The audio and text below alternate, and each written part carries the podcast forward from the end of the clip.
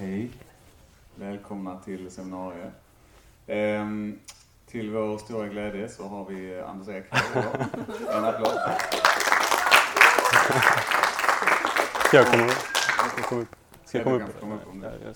Ehm, och idag så, eh, eller när vi ehm, planerade Puls så pratade vi lite om vad vi ska ha för seminarier och eh, då kom vi på att det är rätt så bra att ha seminarier där man förklarar varför vi egentligen tror som vi gör.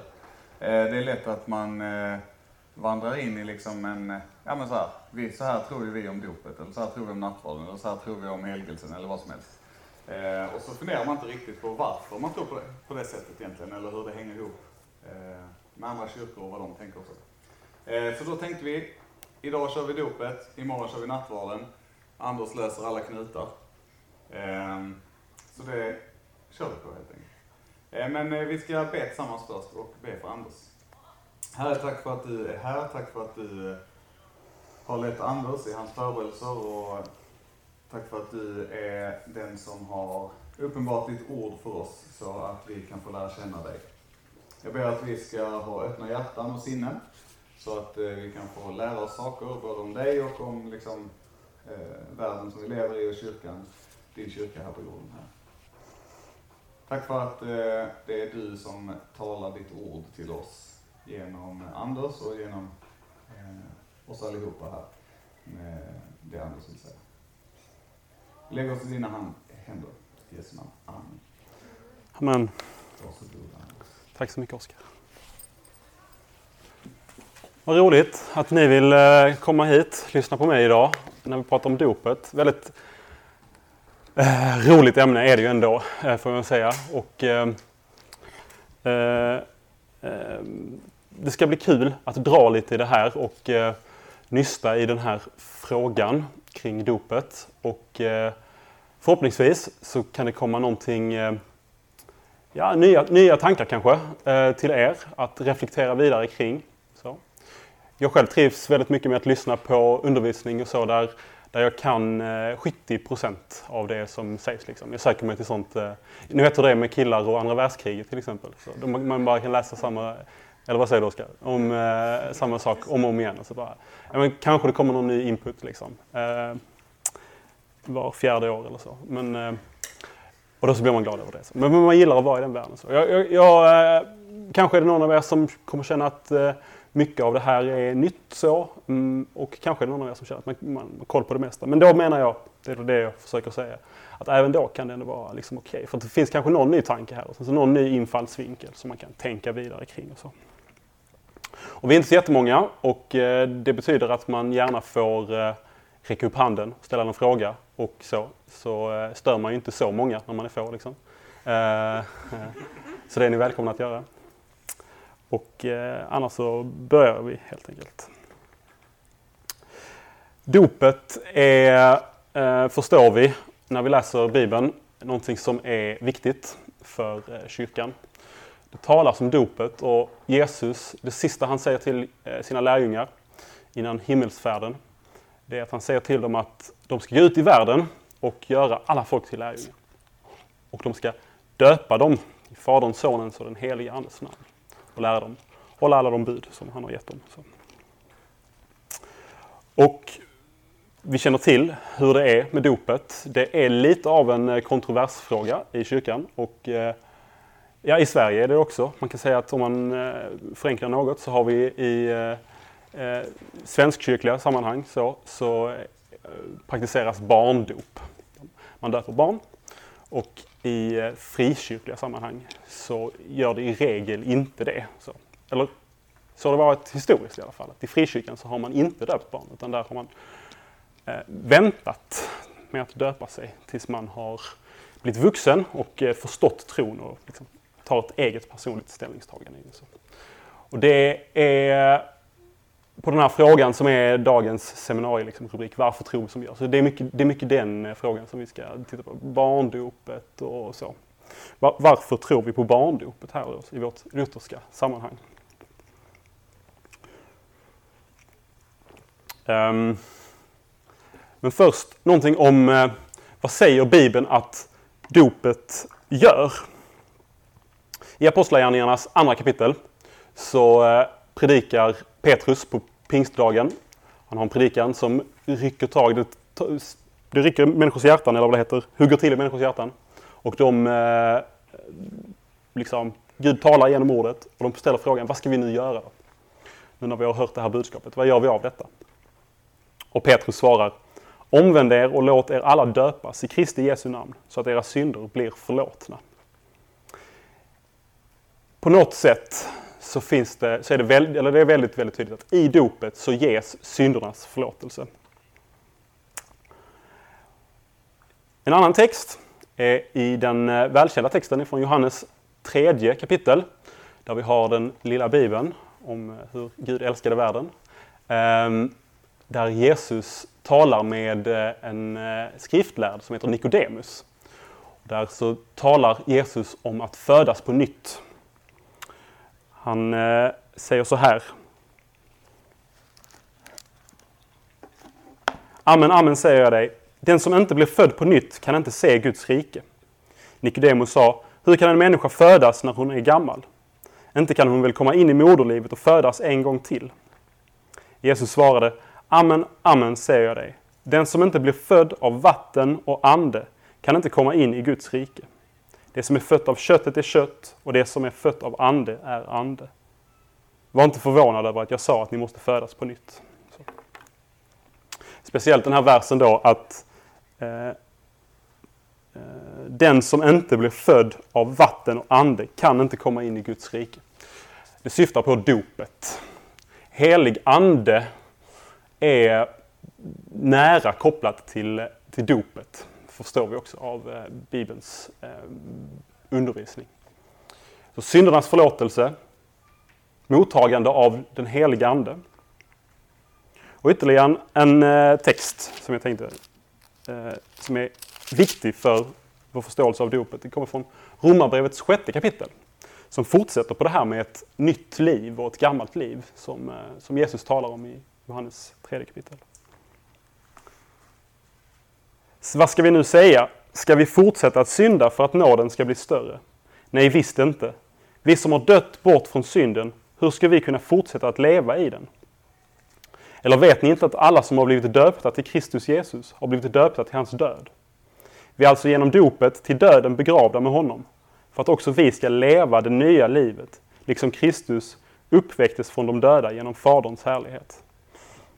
Ty är vi förenade med honom genom en död som hans, ska vi också vara förenade med honom genom en uppståndelse som hans. På något sätt så, så säger Paulus här att eh, den frälsning som Jesus vinner på korset i sin död och uppståndelse, den kommer oss till del genom dopet som på något sätt liknar eh, det som Jesus var med om. Han har en död. På samma sätt så så, så sänks vi ner i vattnet då och dör. Han uppstår och vi reser oss upp till ett nytt liv i anden. Så. Ja. Jag skulle säga att här har vi de centralaste bitarna i eh, hur dopet beskrivs. Det ger syndernas förlåtelse. Det föder ett nytt liv i anden. Och det eh, innebär död bort från det gamla livet. Så. Man kan säga att vi i dopet, om vi fortsätter på sista poängen, att vi i dopet först liksom dör sakramentalt kan man säga. Alltså, eh, på något sätt. Med, ifrån oss själva och föds till ett nytt liv. Och sen så i den dagliga omvälvelsen som vi lever som kristna så fortsätter vi att dö bort från oss själva och eh, istället välja det nya livet, leva det nya livet i anden. För att slutligen då när vi ska dö så blir vi helt förenade med Gud och eh, får möta Kristus. Allt det här har vi också förutspått i en text ifrån Hesekiels 36 kapitel som är fantastiskt. Ett fantastiskt löfte. Det är någonstans där omkring eh, den babyloniska fångenskapen där det är som allra, allra mörkast i Israels historia. Så kommer Gud med de allra tydligaste och starkaste löftena om upprättelse, om en ny tid, om ett nytt förbund mellan Gud och människa om en ny närhet mellan honom och folket. Och det ska göras på det här sättet. Hesekiel 36 och 25. Jag ska stänka rent vatten på er så att ni blir rena. Jag ska rena er från all er orenhet och från alla era avgudar. Jag ska ge er ett nytt hjärta och låta en ny ande komma in i er. Jag ska ta bort stenhjärtat ur er kropp och ge er ett hjärta av kött. Jag ska låta min ande komma in i er och göra sitt ni vandrar efter mina stadgar och håller mina lagar och följer dem. Återigen alltså. Rent vatten. Det ska stänkas rent vatten på dem så att de blir rena av syndernas förlåtelse, befrielsen på det sättet. Han ska låta sin ande komma in i dem. Och han ska plocka ut stenhjärtat ur, ur eh, kroppen på dem och ge dem ett hjärta av kött. Och det är det här. Vi ser det eka där, samma, samma budskap igen om, om ett nytt liv i anden. Så alla dessa tre sakerna har vi i dopet. Jag tänkte att vi kunde ta någon slags historik över hur man har sett på dopet och så. Och när vi kommer in i eh, Nya Testamentet, om man läser Bibeln från liksom början och framåt, eh, fram till eh, evangelierna, så eh, dyker en person som heter Johannes döparen upp i Matteus evangeliets första kapitel. Ehm, där i början. Och det kommer aldrig någonstans någon slags förklaring av vad, vad det är för någonting att döpa. Utan det bara förväntas man liksom veta. Så. De, på något sätt, de, som, de som tar emot de här eh, evangelierna och läser dem, de vet vad dopet är för någonting. Och det finns i kulturen, tydligen vid den här tiden kring eh, Jesu födelse, så finns det utbrett att folk håller på med det här som kallas dop. Men det finns ingenstans i Gamla Testamentet föreskrivet eh, dop eller så. Så det är lite konstigt kan man tycka på ett sätt. Men det som har hänt det är att eh, man har eh, på olika sätt eh, eh tagit vidare befallningar från Gamla Testamentet om reningsriter ifrån templet framförallt, som är mest för prästerna. Som, eh, där de ska rena sig med vatten för att bli ceremoniellt rena eh, i, i templet. Så har man tagit det vidare till, till att det blir reningsriter för livet. Och Johannes döparen, han, eh, han är en man som kallar till omvändelse, nytt liv, eh, ett, eh, en verklig efterföljelse och en verklig tro. Så.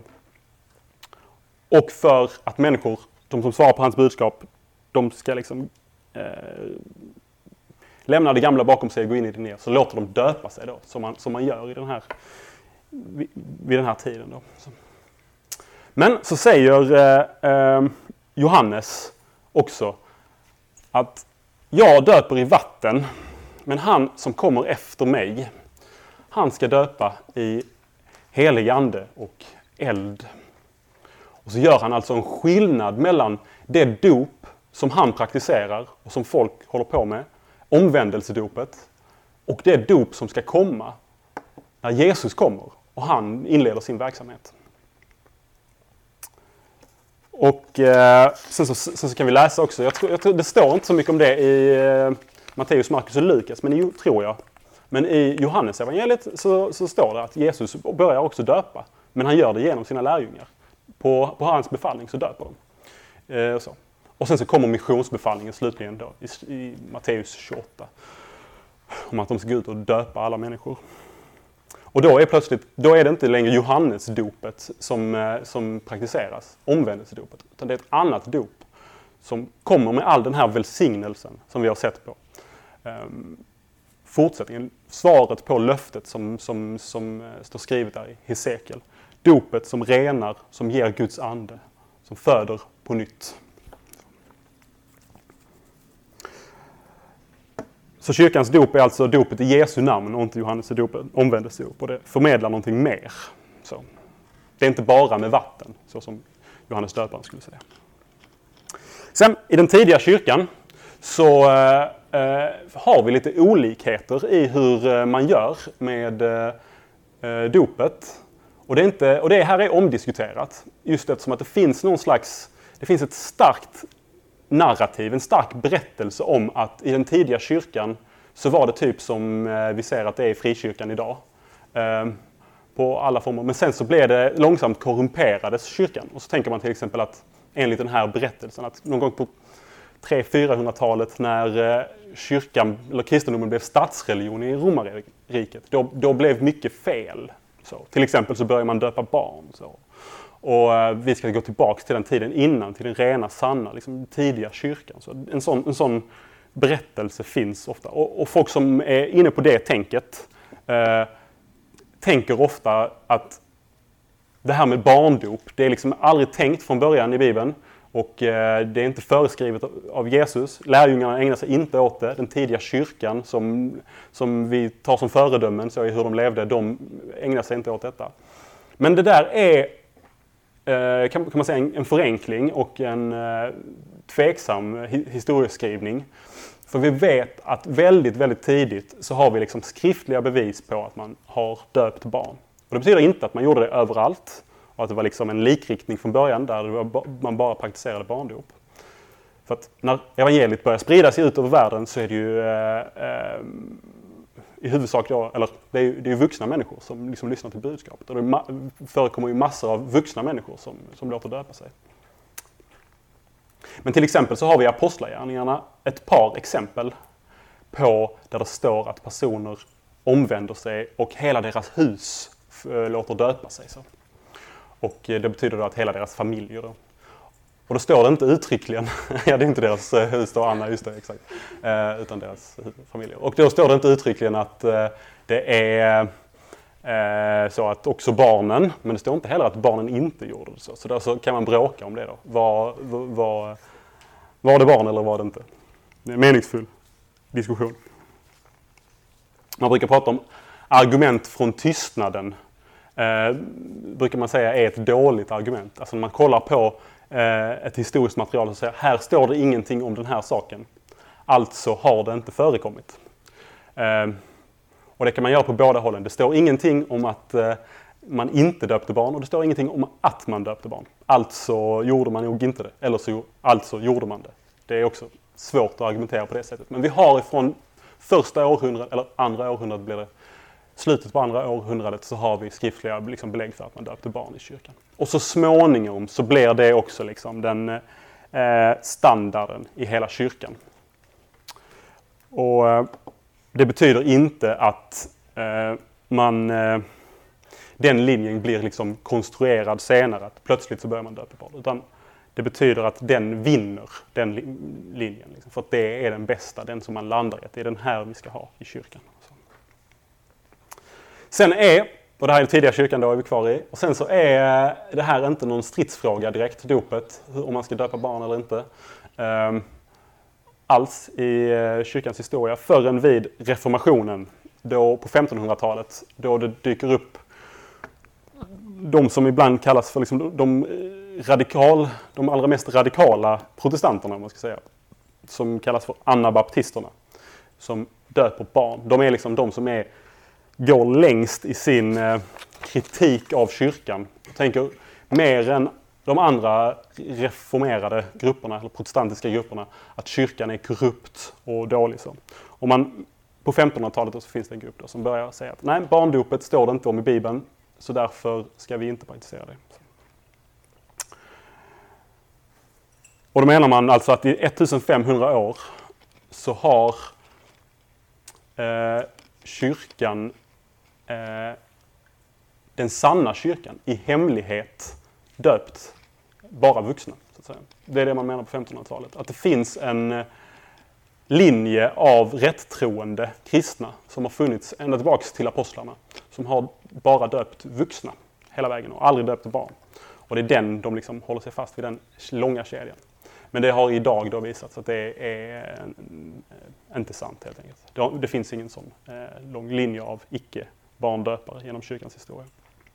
För att, varför, varför påstår man det? Jo, för att det är ett för radikalt, extremt sak att säga faktiskt.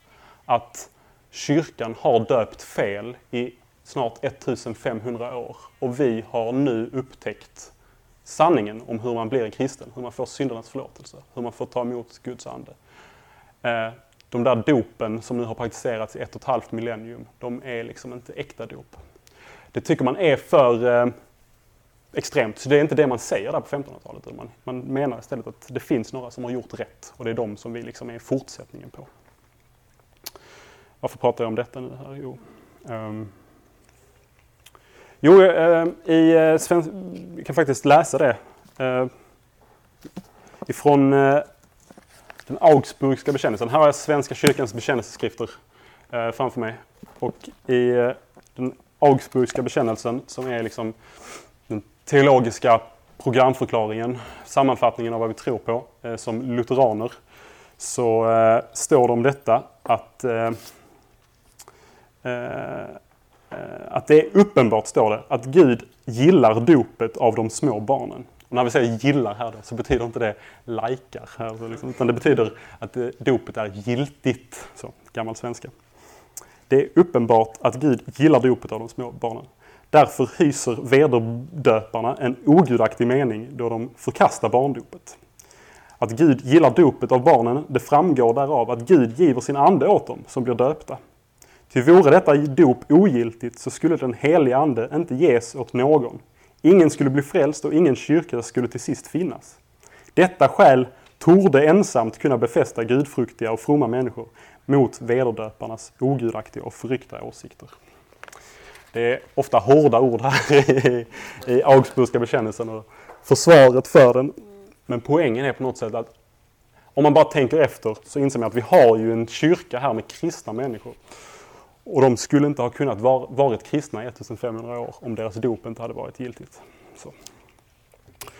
Ja, efter det här så eh, kommer det framförallt på 1700-talet så börjar det här bli en, eh, en eh, eller 16-1700-tal så börjar det här eh, sprida sig. Det är inte bara de extremaste anabaptisterna som är, håller på och säger nej till eh, barndopet utan det börjar man även göra i reformerta kretsar som är en protestantisk inriktning från, om vi känner till namn som Calvin till exempel. Så.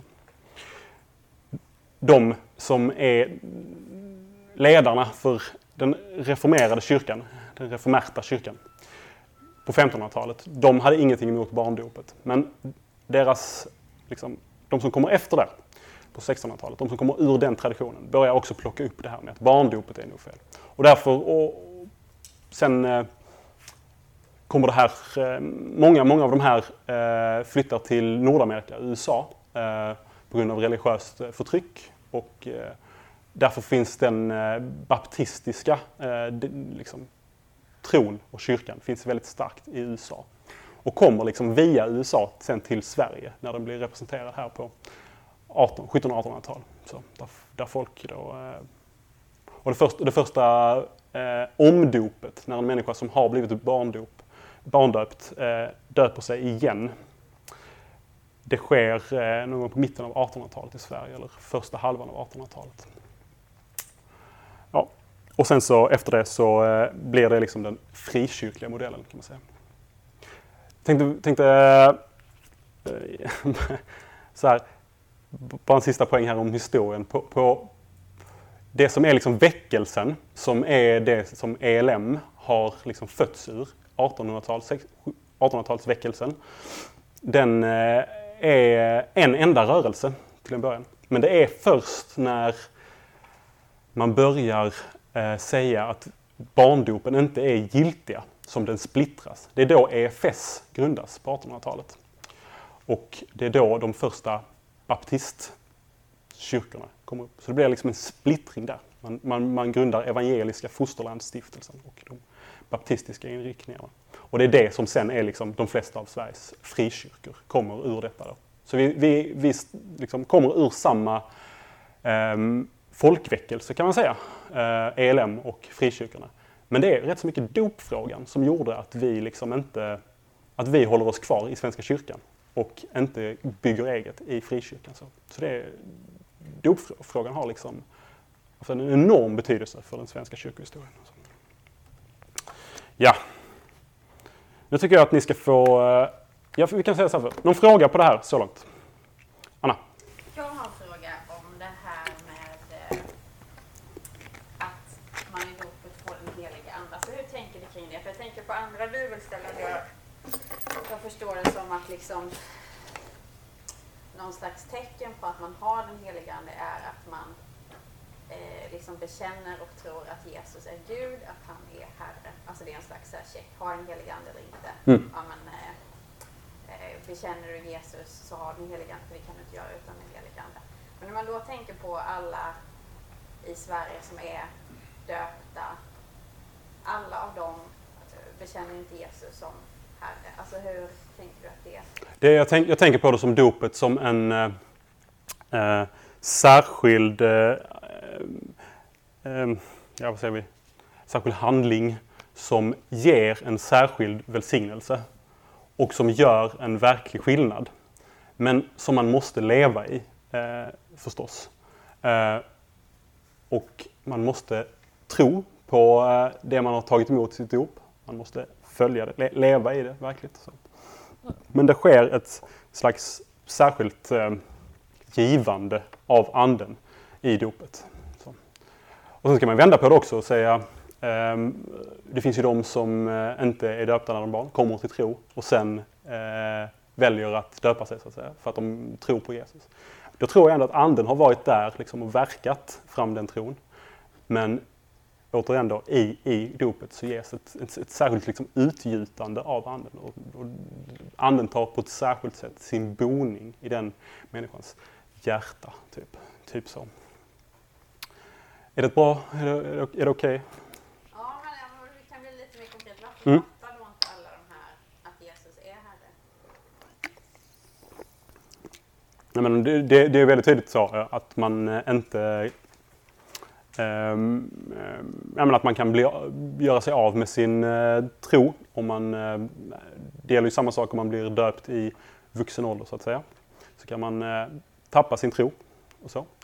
Och barnet kan man väl nästan säga är särskilt utsatt för det. För eh, det är föräldrarnas uppgift att um, inte bara döpa utan också fostra in i en artikulerad tro på att detta är sant. Så. Och eh, jag själv då till exempel eh, är är döpt som barn men har aldrig haft någon, eh, eh, eller från när jag var liten så hade jag inte någon eh, tro på, eh, på Gud. Så. Då tänker jag att det beror på att Eh, jag har inte fått höra, jag har inte fått lära mig detta. Så. Därför har inte det, anden heller fått liksom, eh, ja men den tron har inte fått bli verklig för mig så, som, som, eh, som den välsignelsen skulle kunna ha gett man ska säga, i dopet. Helena? Eh, nu är inte jag så hemma i den frikyrkliga traditionen. Men hur gammal behöver man vara för att liksom kunna ta beslutet att döpa sig? Jag tror det är lite olika, men jag tror, alltså man kan väl säga att i eh, konfirmationsålder, det som vi, folk som döper barn då, vi, ungefär där någonstans, så, så, så bestämmer vi att tycker vi att det finns en bra ordning att där ska man lära sig om vad, om sitt dop och fatta ett beslut, verkligt så ska jag, ska jag leva i detta eller inte. Så. Ungefär vid samma tid tror jag att eh Eh, vuxendopen sker, så ibland tidigare också tror jag. Oskar? Alltså, jag bara tillbaka till annars. Vi sitter här och jobbar. Men eh, om anden ges i dopet och sen så lever man inte i det. Tas anden tillbaka då? Eller har, för annars, eller liksom, finns, eller ja, jag tänker, finns det någonting eh, jag kan liksom inte komma på någon situation i Bibeln som beskrivs där man beskriver det skeendet då, att en person som är döpt och som har fått anden eh, som sen går bort från tron. Eh, är anden, bor Guds ande fortfarande i de människorna? Eh, liksom utöver, vad man säger, eh, att man är Guds avbild så här. Det är kanske lite... Men det är svårt att veta. Alltså, eh, om det gör någon skillnad att vara döpt. Alltså det, det är väl inte det ni... Gör det någon skillnad att jag blev döpt eller att, att en person blir, ett barn blir döpt om den sen aldrig kommer till tro. Om den aldrig liksom... Eh... Min fråga är nog mer varför kommer man då inte till tro? Alltså för jag tänker att det finns en koppling mellan anden och att så här, fatta att Jesus är Herre. Alltså tänker när anden, ja. att det är Guds ande har som sin första liksom, och största mission att visa. Så, liksom, hur. Ja, men det, det, är en, det är en sida av tron, men det finns en annan sida av tron också som är eh, att eh, höra predikan. Och av tron kommer predikan.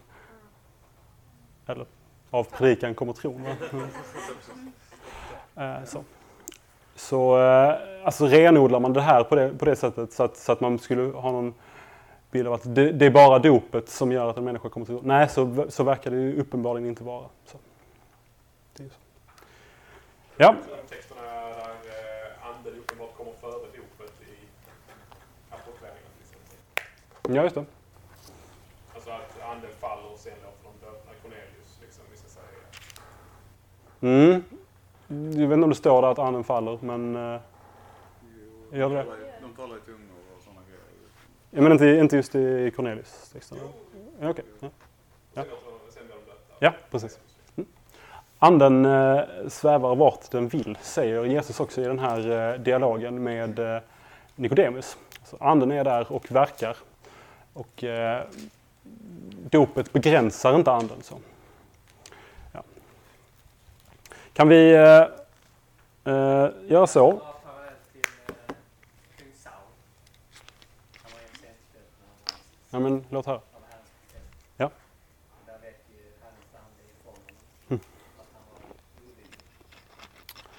Det är, det är en intressant eh, parallell. Hörde ni i kung Saul då, som blir smord till eh, eh, kung. Och anden, Guds ande lämnar honom. så. Han har en särskild välsignelse som eh, liknar kanske då den som man får i dopet. Okej.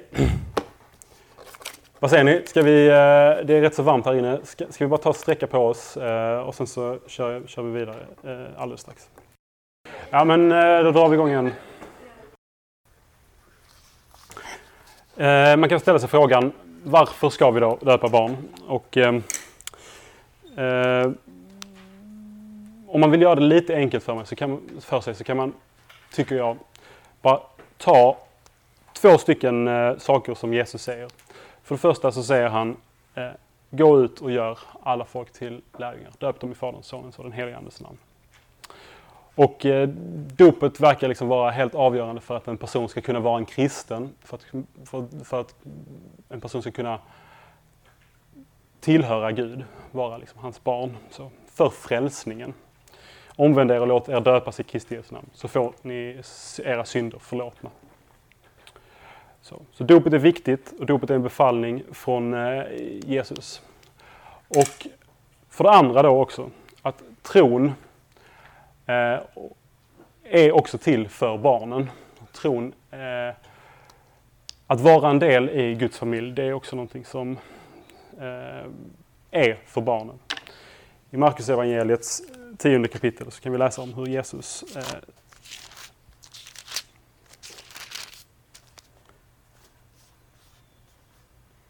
behandlar barnen här. Hur Jesus välsignar barnen. Man bar fram små barn till Jesus för att han skulle röra vid dem. Men lärjungarna visade bort dem. När Jesus såg det blev han upprörd och sa till dem, låt barnen komma till mig och hindra dem inte. Till Guds rike tillhör sådana. Amen säger jag er, den som inte tar emot Guds rike som ett barn kommer aldrig dit in. Och han tog upp dem i famnen, la händerna på dem och välsignade dem. Är dopet särskilt liksom, viktigt för att en människa ska få tillhöra Gud? Och att tillhöra Gud är någonting som är till för barnen. Så är också do- dopet till för barnen. Så. Eh, jag tänkte också eh, läsa ur den här, hur man resonerat om detta. Där man, där man har just de här två poängerna som eh, avgörande. Ur eh, Augsburgska bekännelsens apologi.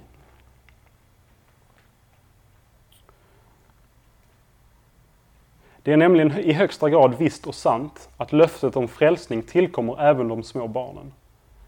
Men icke tillkommer löftet sådana som står utanför Kristi kyrka, där varken ordet eller sakramenten finns. Till Kristus, till Kristus pånyttföder genom ordet och sakramenten. Därför är det nödvändigt att döpa de små barnen för att löftet om frälsningen ska komma, till, ska, ska komma dem till del, i enlighet med Kristi befallning. Döp alla folk. Liksom frälsningen i detta ord tillbjudes alla, så tillbjudes också dopet att, eh, åt alla. Män, kvinnor, barn och spädbarn. Härav följer tydligt att barnen bör döpas, till frälsningen tillbjuds tillsammans med dopet. Det är precis det här argumentet. Om frälsningen och dopet hänger samman och Guds rike är till för sådana som dem. Så döp också barnen, hindra, hindra det inte. Och jag tror den frågan är också en sån eh, eh, som många föräldrar eh, ställer sig liksom, när, när man eh, tittar på sina barn. Är de kristna? Tillhör de Gud? Eh, är de en del av församlingen? Om man svarar ja på de frågorna, så ja, det är de givetvis. Så de, eh, mina barn är kristna. Ja, då, då är också dopet någonting som tillhör dem, som är till för dem. Ja. Några invändningar som man kan ha mot barndopet då, som förekommer. En kan vara då att barn kan inte tro och Eh, dop utan tro är meningslöst. Och det är sant att tro, och, eller att dop utan tro är inte så som det är tänkt. Utan det är tänkt att tron och dopet alltid ska höra samman, följas åt. Så. Men dopet kan vara meningsfullt ändå om man tror att dopet faktiskt förmedlar en särskild nåd på ett konkret sätt. Alltså, det är sant att tron och dopet ska hänga samman och därför är det föräldrarnas uppgift att om de, när de låter döpa sina barn så att de också uppfostrar dem in i en tro, en artikulerad, liksom, medveten tro. Så barnet kommer att få den där tron och få en förståelse för vad det är som eh, hon har mottagit. Eh, och att barnet ännu inte har den liksom, förmågan att förstå och uttrycka, det mm, gör ingenting om dopet faktiskt ger någonting i det skick som barnet redan är i. Och här tror jag Luther gör en liksom särskild poäng av att eh, när det kommer till att förstå frälsningen så är vi i någon mening liksom alla, alla är vi eh, små oförstående barn där. Och eh, vi är helt beroende av Guds nåd och det är liksom ingenting vi växer upp ifrån att vara. Utan barnen är liksom eh, det lika mycket som vi. Så. En annan sak man kan invända mot är att säga att man kan ju bli frälst utan dopet. Och det bevisar att dopet inte är särskilt eh, viktigt. Det är liksom inte så att eh, man måste tvinga på barn detta för att det spelar inte så stor roll. Titta på eh, rövaren på korset till exempel. Som eh, eh, inte döps men som ändå blir frälst. Då. Bakom ett sådant resonemang tänker jag ligger ett feltänk i att eh, man ställer dop och tro mot vartannat som att de vore liksom i eh, konflikt. Så säger man eftersom att det finns möjlighet att bli frälst här för, för rövaren på korset genom hans tro utan dop så är liksom det en attack mot dopet. Eller man ska säga. Men de ska inte spelas ut mot varandra eh, och eh, de står inte i konflikt med varandra. Utan är det så att dopet är en särskild välsignelse så, eh, så är det ändå meningsfullt även om, eh, även om det går att bli frälst utan den välsignelsen. Så. Man kan tänka sig kanske om eh, Nej, jag, jag, behöver inte komma med någon dum bild egentligen. Men alltså det finns saker som kan vara viktiga och meningsfulla utan att de är liksom helt avgörande. Så, man ska säga. Att någon blir frälst utan dopet bevisar inte att dopet är meningslöst. Helt enkelt. En sak som eh, jag tror många också tänker är att dopet är ett yttre tecken på eh, vad som rör sig i människans hjärtan. Det, det inre som, eh, som är det viktiga. Ehm, och det här yttre tecknet det är liksom bara ett uttryck för hjärtats tro. Så. Jag låter döpa mig för att jag omvänder mig och börjar mitt nya liv med Kristus. Men det, det som är riktigt avgörande egentligen är liksom vad jag tänker i mitt hjärta. Så. Och ja, dopet är liksom ett yttre tecken på, på så sätt som att sakramenten är tecken på någonting. Men de är också, sakramenten, handlingar som förmedlar frälsande nåd på ett verkligt sätt. Och där återigen kommer vi tillbaks till skillnaden mellan Johannesdopet och eh, Jesus dop. Alltså, när Johannes säger detta, jag döper i vatten, men han döper i helig ande, så menar han någonting särskilt med det. Han menar att det finns en skillnad här. Alltså. Detta är bara vatten, så. men det dop som Jesus kommer med, det är någonting annat. Det har en djupare, högre välsignelse, eller eh, djupare betydelse, för det kommer med en större välsignelse. Framförallt i Johannes evangeliet och i Johannes eh, texter i Bibeln så ser vi det här perspektivet om hur anden och vattnet hänger samman i någon slags eh, eh, återkommande upprepning hela tiden om, om anden och vattnet. Jesus talar om, just i Johannesevangeliet om hur, hur eh, helig ande blir som en ström som flödar inifrån eh, det inre på den kristne blir till en ström av levande vatten som ger evigt liv. Um, och uh, i samtalet med Nikodemus då här så säger han att uh, man ska födas genom vatten och ande. Helig ande finns där, vattnet finns på något särskilt sätt. Jag tror det är i sista kapitlet av första Johannesbrevet också som, uh, som Johannes säger de här eh, mystiska orden om att de är tre som vittnar.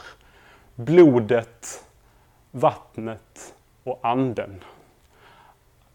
Och vad han menar med detta är liksom omdiskuterat. Men det är återigen den här, liksom, att det hänger samman den här konkreta konkretiseringen i vattnet. Det konkreta fysiska vattnet förmedlar en verklig nåd. Så. Johannes är den som har stått vid Jesu korsfästelse, vid korset, sett romaren sticka upp spjutet i sidan på Jesus och där ur sidan så strömmar det blod och vatten. Och jag tror att när Johannes sen skriver om detta, om eh, blodet, vattnet och anden som tillsammans liksom eh, vittnar om tron, så tänker han sakramentalt. Han tänker på nattvards, nattvarden, han tänker på dopet, man tänker på det frälsande blodet, som liksom, frälsningen som förmedlas genom dessa saker. Så. Ja, det är inte bara vatten. Det är inte bara eh, en eh, omvändelsehandling som visar var, vad jag tror i mitt hjärta. Utan det är en handling som faktiskt gör någonting, som förmedlar frälsande nåd, som ger helig ande. Man kan fråga sig då hur eh, hur kan vatten göra en sån här sak? Varför finns det... Eh, varför, kan, varför, kan, lite vatten göra någon skillnad för Gud? Så det är ytterligare en invändning. Svaret på det är att det är ju inte vattnet i sig utan det är Guds löfte knutet till det här vattnet som verkar.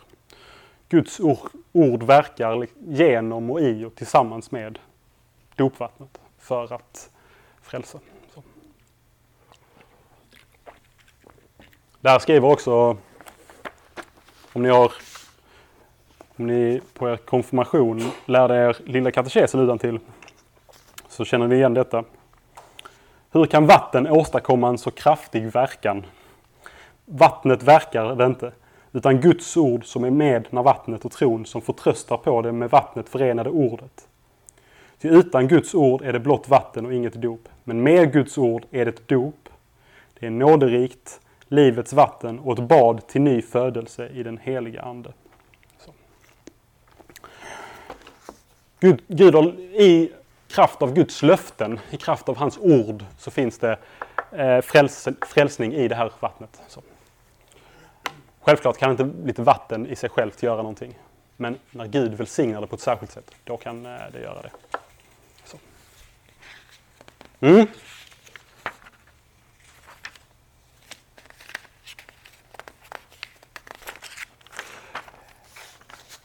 Ytterligare ett eh, viktigt perspektiv tror jag.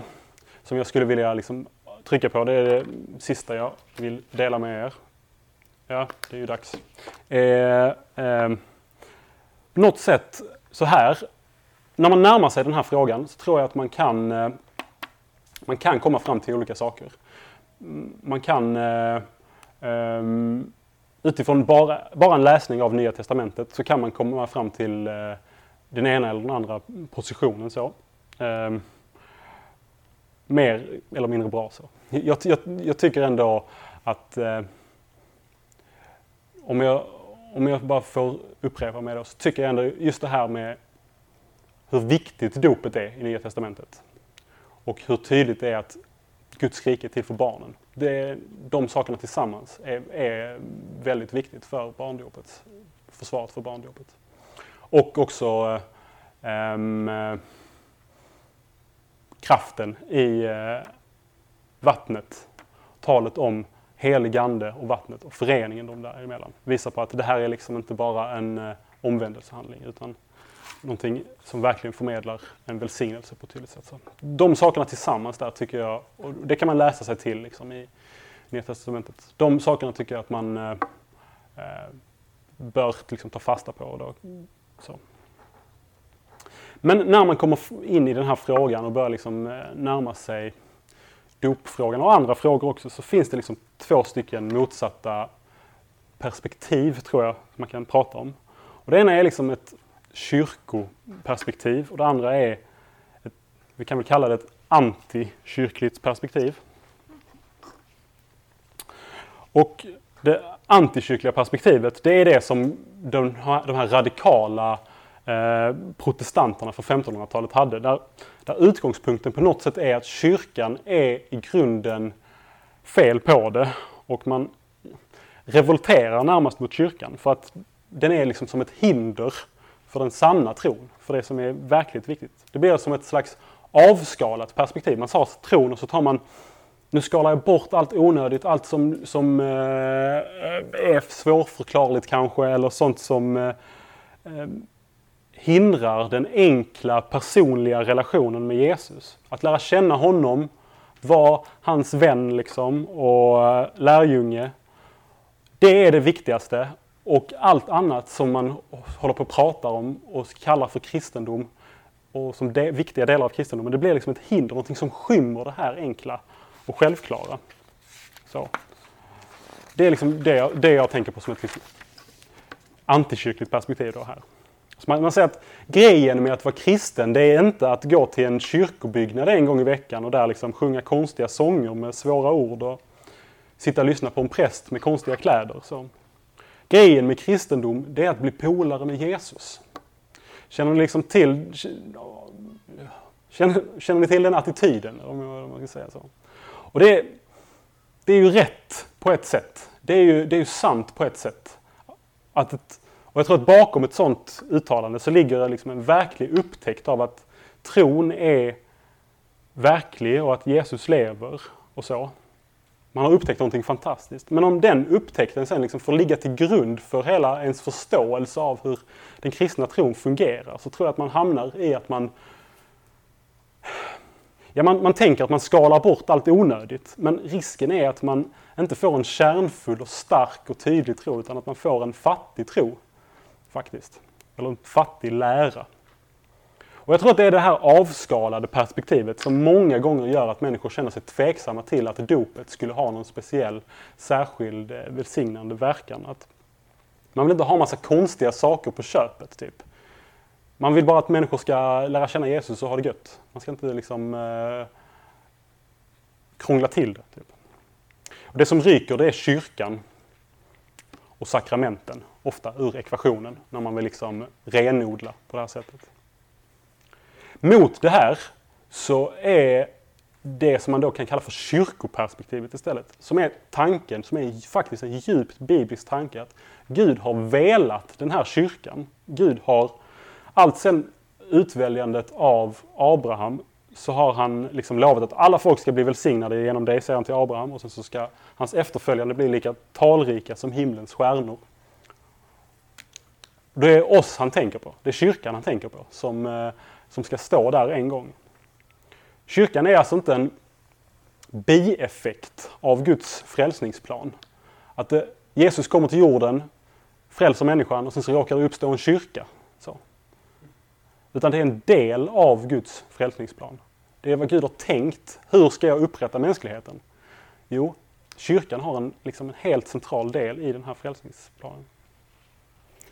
Jesus säger till Petrus att på dig ska jag bygga min eh, kyrka eller församling och helvetet ska aldrig liksom få makt över, över den kyrkan. Han säger att det är han som ska bygga kyrkan. Och han lovar att den ska bestå liksom framåt i tiden. Liksom till, eh, till tidens slut. I första Petrusbrevet så, säger, eh, så säger, skriver Petrus om det här. Han säger att ni är ett utvalt släkte, ett konungsligt prästerskap, ett heligt folk, ett Guds eget folk. För att ni ska förkunna hans härliga gärningar. Han som kallat er från mörkret till sitt underbara ljus.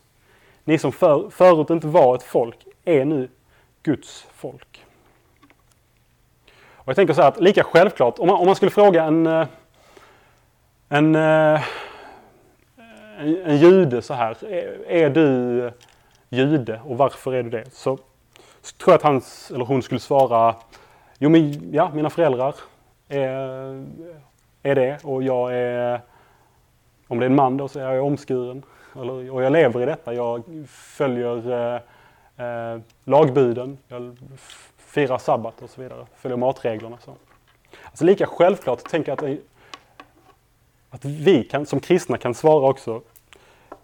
Eh, ja, jag och mina föräldrar är kristna. Jag är liksom uppväxt i detta. Jag är, är döpt. Så. Och, jag, och jag tror på detta, jag lever i detta. Så. Så, så därför så är jag en kristen. Och jag är en del av Guds folk som han har liksom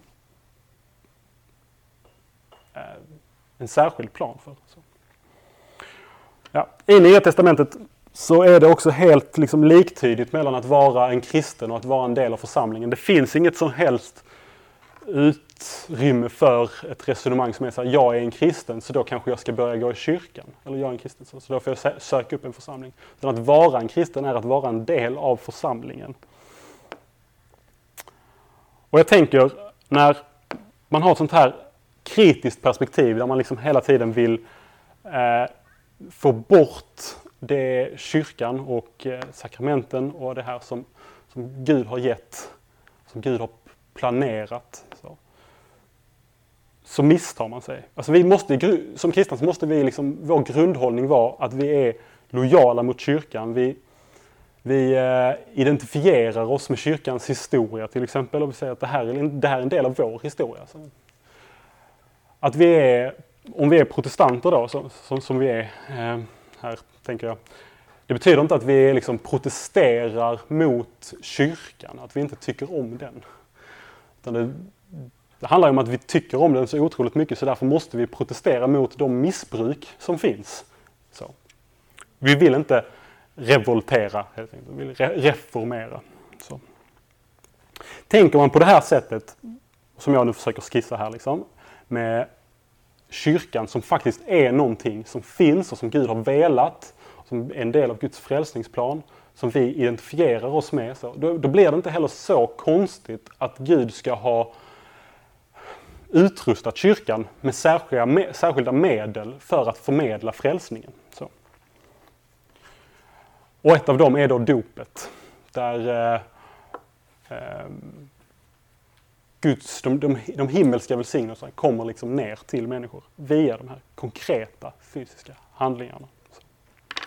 Och vi ser också parallellen i det gamla förbundet då, det judiska folket och omskärelsen som är upptagandet i, i eh, folket för barnen då. Ser vi en likhet i det nya förbundet med dopet som är upptagandet så, i folket. Ja.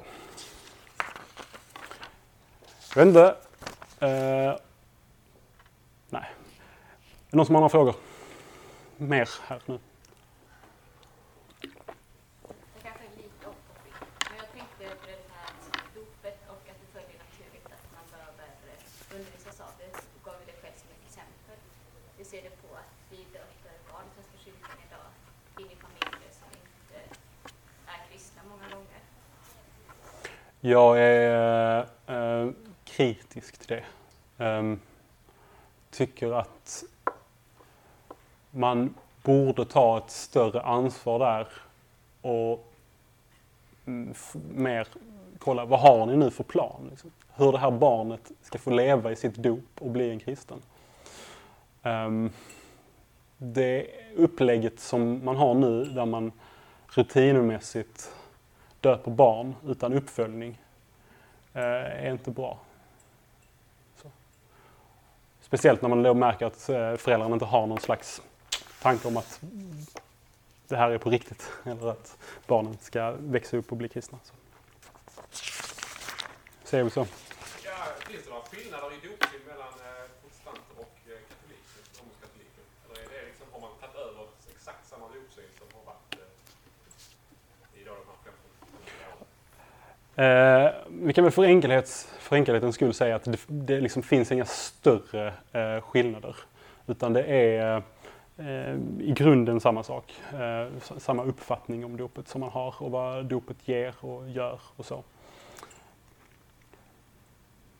Luther till exempel har, en, har en väldig eh, betoning på ordet. Eh, så. Och eh, tron som verkar genom Guds ord. Därför betonar han också liksom hur det är ordet som är eh, det som verkar i dopet till exempel på ett sätt som jag inte så starkt uttryckt är inte det i eh, den katolska traditionen till exempel. Men, men det, i praktiken så gör inte det så stor skillnad egentligen. Men det, ja. vi, vi kan väl eh, säga så, alltså med, med den frågan. Nej, det är typ samma. Kan man säga samma sak om de ortodoxa kyrkorna också? Eller de, alltså att de, Ja, ja, i stort sett kan man det. Och eh, också eh, de eh, reformärta, reformerta, där de finns. De reformerta som inte är baptister. Mm. Eh, ja, vi får prata vidare om det här när jag inte står med mick.